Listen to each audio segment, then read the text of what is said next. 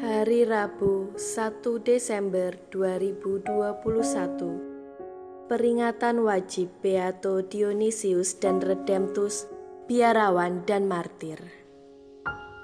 Pembacaan dari kitab Yesaya bab 25 ayat 6 sampai dengan 10a.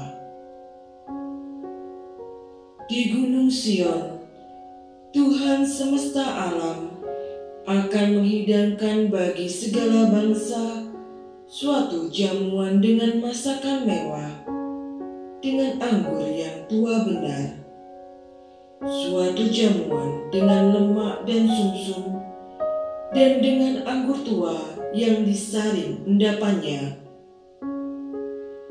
Di atas gunung itu, Tuhan akan mengoyakkan kain kabung yang diselubungkan kepada segala suku, dan tudung yang ditudungkan kepada segala bangsa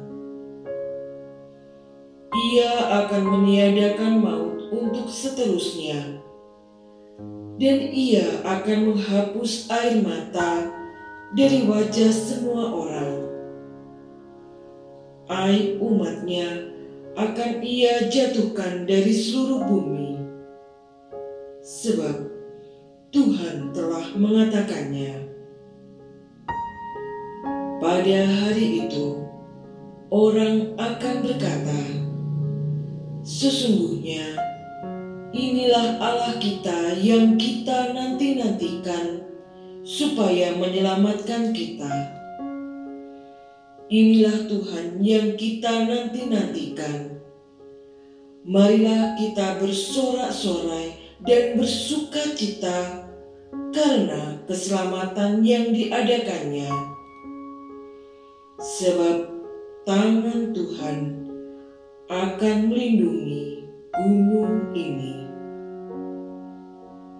Demikianlah sabda Tuhan. Syukur kepada Allah. Bacaan Injil Pembacaan dari Injil Yesus Kristus menurut Matius bab 15 ayat 29 sampai dengan 37. Pada suatu ketika, Yesus menyusuri pantai Danau Galilea, lalu naik sebuah bukit dan duduk di situ. Maka datanglah orang banyak berbondong-bondong kepadanya, membawa orang lumpuh, orang timpang, orang buta, orang bisu, dan banyak lagi yang lain. Lalu meletakkan mereka pada kaki Yesus, dan mereka semua disembuhkannya. Maka takjublah orang banyak itu melihat orang bisu berkata-kata, orang timpang sembuh, orang lumpuh berjalan, orang buta melihat, dan mereka memuliakan Allah Israel. Lalu Yesus memanggil murid-muridnya dan berkata, Hatiku tergerak oleh belas kasihan kepada orang banyak ini. Sudah tiga hari mereka mengikuti aku, dan mereka tidak mempunyai makanan. Aku tidak mau menyuruh mereka pulang dengan lapar. Nanti mereka pingsan di jalan. Para purit menyaut, Bagaimana mungkin di tempat sunyi ini kita mendapat roti untuk mengenyangkan orang banyak yang begitu besar jumlahnya? Kata Yesus kepada mereka, "Berapa roti ada padamu?" Tujuh, jawab mereka, dan ada juga beberapa ikan kecil. Yesus lalu menyuruh orang banyak itu duduk di tanah Sesudah itu, ia mengambil ketujuh roti dan ikan-ikan itu.